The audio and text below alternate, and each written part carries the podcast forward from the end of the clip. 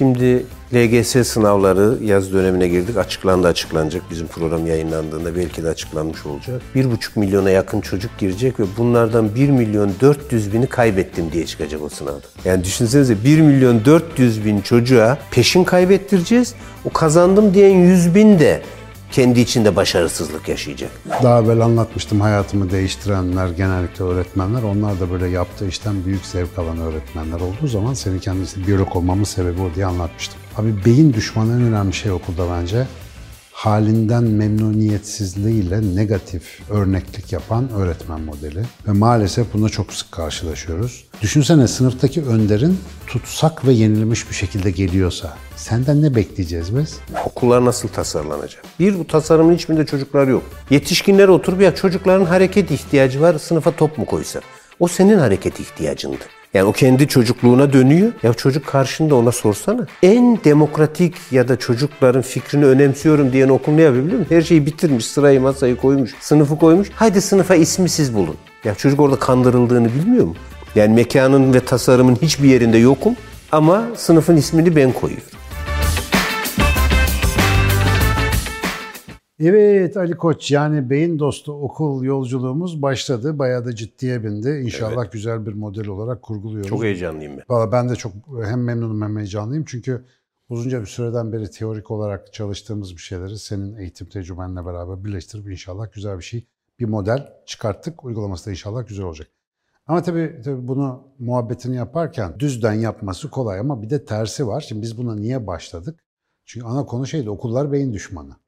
Yani beyin düşmanı okul diye bir kavram var aslında. Beyin dostu okulu zaten anlatıyoruz, yapıyoruz, gösteriyoruz falan da şu beyin düşmanı okulu açık konuşalım istiyorum. Evet, mesela bu senin de sende de tınlayan bir şey çünkü biliyorum. Ben mesela süper zeki bir çocuk değildim ama kendimce bir zeka tipim vardı. Böyle hayatımı idame edin. Ne zaman okula gitsem şalter kapanıyordu bende mesela onu hatırlıyorum. Okulların bazı özelliklerinden dolayı, şimdi benim aklımda birkaç tane var. Okullar baya baya bir beyne zarar veriyor. Yani ya bu arada sen beyin düşmanı okul dedin ya. Tam bir izin verirsen bir hikayeyle başlayacağım. Lütfen, lütfen. Ben de hemen kendi yani bir okul ne olmalıyı zaten konuşacağız ama kendi öğrencilik deneyimimde ben lise son sınıfta, lisenin 3 yıl olduğu dönemde okuduğum için lise 3'te 18 e, gün devamsızlık yaptım. Ben öyle hani ailem okula gidilecek kültüründe olduğu için öyle devamsızlık gibi bir hakkımız yoktu. Fakat 18 gün devamsızlık yaptım. 18'i de çarşamba günüydü. Hayrola. Çünkü müzik dersi vardı. ve müzik dersine... Blok, flüt mü Blok flüt e, işte. vardı ve işte notayla çalınacak bir öğretmen vardı. Flütle dövüyordu. Yani sen müziği çalıyorsun, elinde bir flüt var, getiriyor. İşte sen çalmaya çalıştın ki çaldırılan da işte İstiklal Marşı flütle çalınacak gibi. Öyle kolay işler de değil. Sen her notayı yanlış çaldığında kafana bir tane flütle vururdu. Hayatımdaki en büyük aşağılanmalardan biridir diye düşünüyorum onu. Ne kadar sanatsal Ve bir eğitim gerçekten. düşünsene kötü de bir öğrenci değildim ama o aşağılanmayı yaşamamak uğruna, kafaya o flüdü yememek uğruna. Öğrenciyiz, hani gülerek baş etmeye çalışıyoruz. Başka arkadaşlarımıza vurulduğu zaman gülüyoruz. Ama beyin düşmanı okul deyince ilk mesela o geldi aklıma galiba madde biri bulmuş olabilirim. Kesinlikle Aşağılanmak. Çok çok ciddi etkili. Hele hele abi sanat gibi bir şey öğretiyorsun buraya. Evet Flüt sonuçta teknik beceri değil, sanatsal bir şey. Kafaya vurmak nedir ya? Yani nasıl bir bakış açısıyla böyle bir yöntemle öğretebileceğiniz yani hiç mi insan görmedin? Tabii. Hiç mi bir şey öğrenmedin? Yani beyin düşmanı okulun bence birinci, en birinci hikayesi sormadan ezberleri tekrar eden okullar. Yani biz böyle gördük, işte gençlere de böyle yapacağız. Hele ki şimdi 6 ay sonra teknolojinin ne getireceği belli olmayan bir dünyada tekrara giren. Şimdi biz bizim program Yeniköy'e eski adetler ama adeti bile bilmeden yani eski adeti bile bilmeden daha dün icat ettiği şeyi adet zannedip evet. devamlı döndürmenin birinci beyin kısıtlayıcısı olduğunu düşünüyorum. Bizim çünkü günlük hayatımızda da böyle. Ama onun dışında tabii okulun tek cürmü bu değil abi. Şimdi öğretmenin hali var, sınıfın şekli var, bahçenin durumu var, müfredatı var, yöneticisi var, veli ilişkisi var. Yani bunların hepsi aslında bir beyin katili bir potansiyel taşıyor. Şey düşmanlar bir ordu kurmuş. Beyin düşmanlarından Aynen. kurulmuş bir ordu. Hakikaten mimarisinden müfredatına. Yani mesela benim aklıma gelen şeylerden biri öğrenciye, çocuğumuza, gencimize hiçbir şekilde inisiyatif imkanı verilmeyen yerler olması. Yani sen ne istersin sorusunun, bunu konuştuk daha önce. Mesela bu beynin tek gelişebileceği şansı bu. Yani aa bir şey yapabilirim, bir şey yapmalıyım ya da benim şimdi bir şey yapma zamanım algısı oluşmadığında e çocuk onu ancak dışarıda deneyimliyor da şansı varsa. Okulda var olan listeleri öğrenmek dışında onun katabileceği hiçbir şey yok. Çok. Ve hani beyin neyle gelişiyor? Kendi için anlamlı bulduğu bir şeye için çaba gösterirken Ya anlam. gelişiyor ve anlam yok. Düşünsene ben bunu yani hepimiz bağırdık, bizden öncekileri de bağırdı, şimdikileri de. Biz bunları niye öğreniyoruz ya? Aslında bütün bir nesil yalvarmakla geçti kardeşim. Bunlar benim hayatımda ne işime yarayacak? Evet ya öğreneceğiz. Vallahi öğrenmeye karşı bir özel inadımız yok.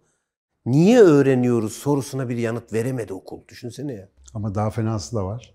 Çocuk, herhangi bir çocuğa yakında sordum bilmiyorum sen niye okula gidiyorsun diye. Mesela bu sorunun cevabı çoğunda yok. Ya mesela işine giden bir adamda böyle olsa sen niye bu işte? Ne bileyim öyle mecburiyet işte. Bu, bu işten verim mi olur? Yani mesela işte niye işte o kameradan bakıyorsun? Öyle dediler öyle bakıyoruz. bakıyoruz. Hiçbir inovasyon bekleyemezsin kameranın arkasındaki arkadaşlar. Yani eğer o bunu belli bir amaca matuf olarak belli bir anlam için yapmıyorsa bir iş çıkmayacağı gibi okula giden çocuk da gitmesine dair bir hikayesi yoksa Yok. hiçbir şey olmuyor. Olmuyor yani. ve bunu şöyle düşün. Şimdi bir anlam yok ortada. Yani ben niye okula gidiyorum sorusuna bir yanıt vermiyoruz. Bunu eskiden disiplinle, işte yani kötü disiplinle, e, korkuyla, diğeriyle hallediyordu. Şimdi bunu anlam arayışını sonuçlandırmadan, buraya bir şey koymadan ya bunlar okula geliyor ama biraz eğlendirelim. Hani tersi de bir anlamlı bir şey yapmıyor. Okulda gelsin, eğlensin, takılsın. Bunun diğerinden bana göre bir farkı yok. Çünkü anlam arayışıyla ilgili hiçbir şey koymadan onu orada geçirdiği zamanı nasıl yönetirimse. Çünkü şöyle korkutarak yöneteyim sesini çıkaramasınlar öyle dursun. Şimdi de öyle güldüreyim eğlendireyim ki ne yaptığının farkında olmaz. Olay cıvısın. Olay cıvısın. Yani iki uç da beyni öldürüyor. Abi beyni, ruhu her şeyi öldürüyor. Ve bu mesela ödüllendirme, cezalandırma hikayesiyle alakalı. Benim beyin tabanlı okul fikrini formüle ederken en çok zorlandığım yerlerden biri ölçme değerlendirme hikayesi. Çünkü hani hem doğrudan ilmim olan bir konu değil, hem de şöyle bir şey var. Bizim bildiğimiz bütün versiyonlarda öğrettiğin şey her neyse onu bir sınayacaksın.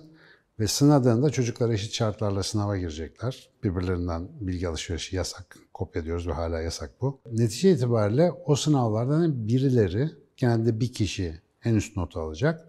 Geri kalan hepsi kaybeden olacak. Ve şimdi bu kaybetme yani birinciden sonraki herkes geriye düşmüş oluyor.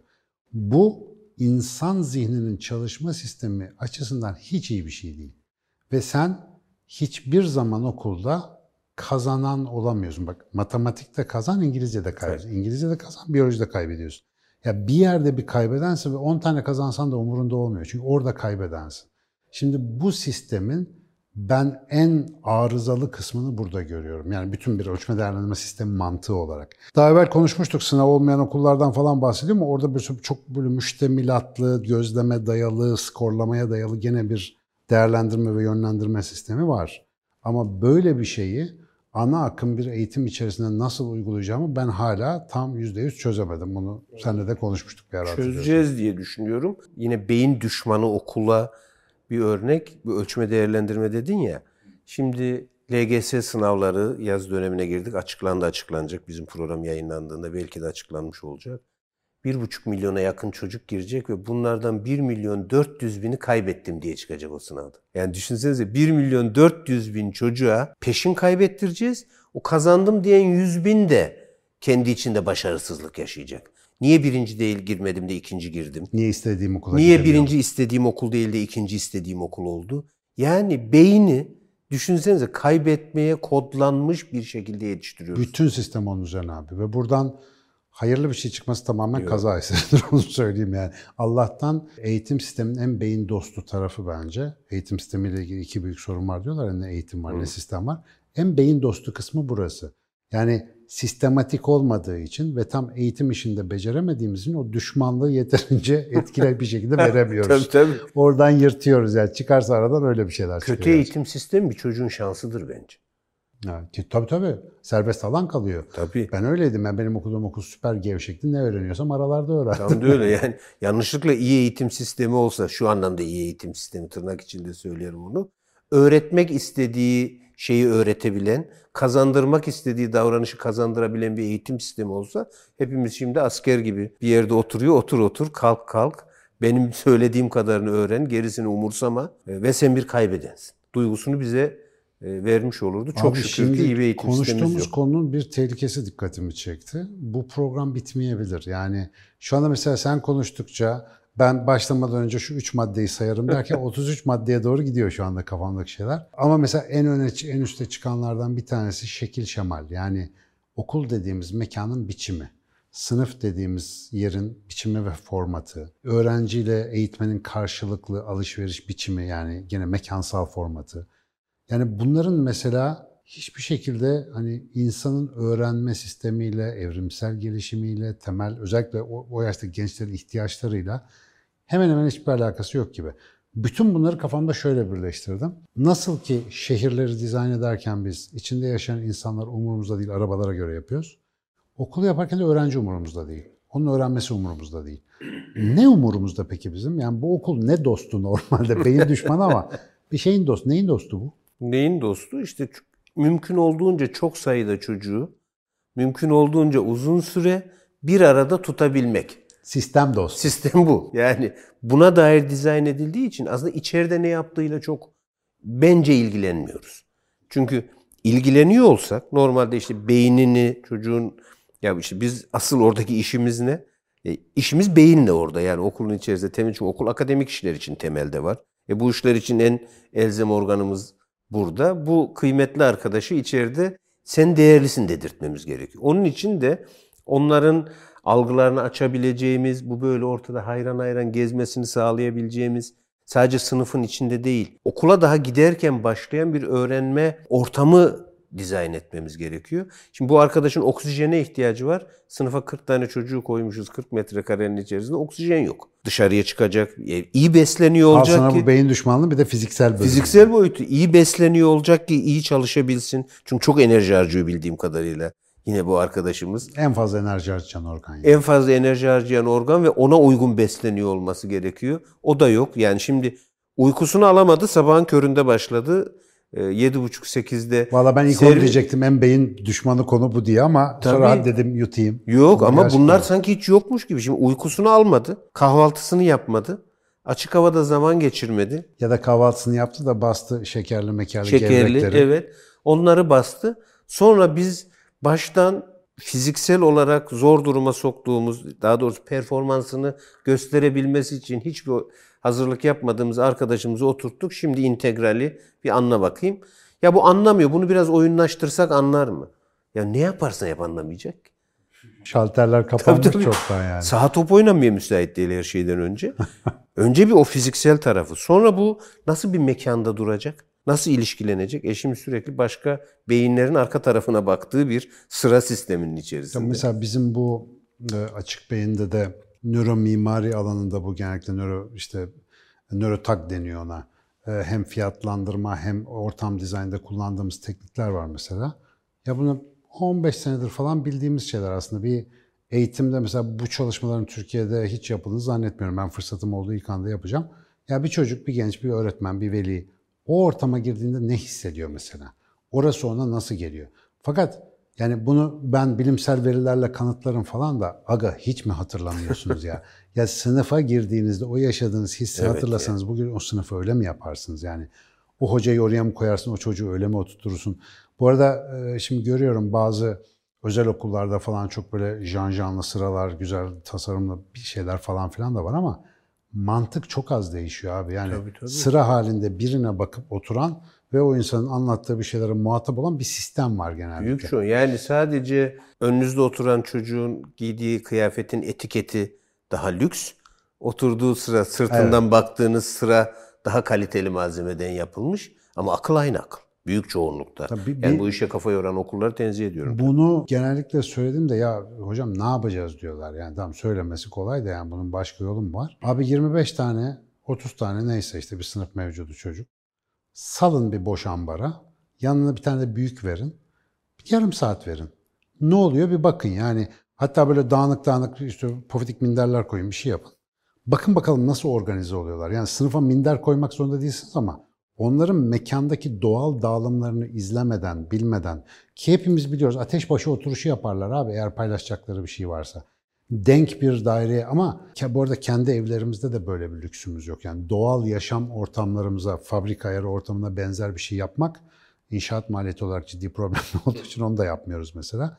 Okulda da genellikle böyle bir problem var. Yani bütün bunları birleştirdiğin zaman mekan, e, işte oradaki fiziksel koşulların tamamı diyor ki senin beynin gerekmiyor burada. Yani sen bedenen burada ol, yoklamayı ver. Çok önemli o. Şimdi tasarım konuşuyoruz ya, okullar nasıl tasarlanacak? Bir, bu tasarımın hiçbirinde çocuklar yok. Yetişkinler oturup ya çocukların hareket ihtiyacı var, sınıfa top mu koysak? O senin hareket ihtiyacındı. Yani o kendi çocukluğuna dönüyor. Ya çocuk karşında ona sorsana. En demokratik ya da çocukların fikrini önemsiyorum diyen okul ne yapıyor biliyor musun? Her şeyi bitirmiş, sırayı masayı koymuş, sınıfı koymuş. Haydi sınıfa ismi siz bulun. Ya çocuk orada kandırıldığını bilmiyor mu? Yani mekanın ve tasarımın hiçbir yerinde yokum ama sınıfın ismini ben koyuyorum. Sen de burayla idare Sen et. Sen de burayla idare ediyoruz.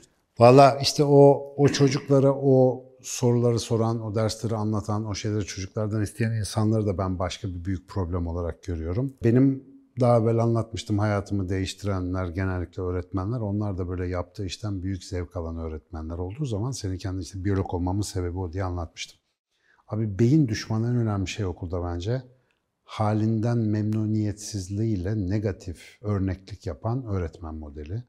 Ve maalesef buna çok sık karşılaşıyoruz. Tabii yaşam zor çeşitli açılardan ama öğretmenlik aynı zamanda bir rol modellik demek.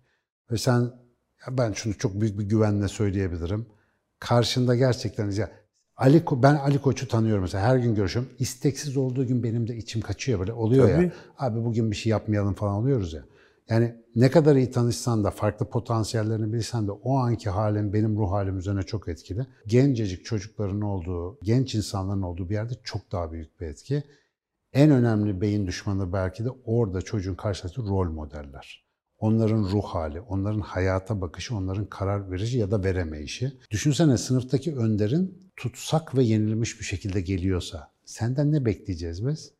Beynin gördüğü örnek o. Bir de çocuğun büyüğü düşünsene önündeki örnek yani. İşte beyin dostu okul yaparken mesela ilk konuştuğumuz şeylerden biri buydu zaten. Önce eğitmenin kendini iyi hissedeceği, iyi ifade edeceği bir ekosistem kurmak Tabii, çok çok önemli. Zaten çocuk için ne konuşuyorsak aynısını öğretmen için de düşünmek zorunda.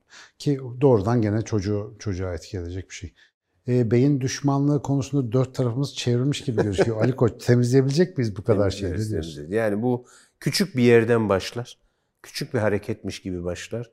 Ama bir sürü şey eğitimde bak pozitife giden yerler görüyoruz. Bu temel bir felsefe eksikliği nedeniyle bence istenen etkiyi yaratmıyor. Ama biz bunu nasıl beyin dostu bir okula çeviririz? Konuştukça meslektaşlarımızla, ebeveynlerle, çocuklarla. Bu arada biz icat etmeyeceğiz bunu aslında. Birlikte inşa edeceğiz. Böyle bir süreç diye bakıyorum. Bu arada bak demek ki kafalarımız yavaş yavaş aynı çalışmaya başlamış. Ben de aslında sonunda şey diyecektim. Aynı şeyi söyledik birlikte. Düşmanlar teker teker evet. bertaraf edilir. Yani hepsini birden atom bombası evet, patlattı mı seninkiler de gidiyor. Dolayısıyla o riske girmemek için tek tek alternatifler yapılabildiği kadar ve herkesin, bu arada ben sadece okullar için düşünmüyorum bunu. Beyin Dostu Okulu'nun uzantısı aynı zamanda ev ve hayat. Evet. Yani orada da hakikaten bir insan beyni nasıl gelişir, nasıl öğrenir, yaydıkça, anlattıkça güzel güzel modeller çıkacak diye düşünüyorum. Düşmanları tamam. birer birer atacağız Ufaktan inşallah. atmaya başlayalım o zaman. İnşallah. Haydi. Kazanız mübarek olsun. Mübarek olsun kazanız.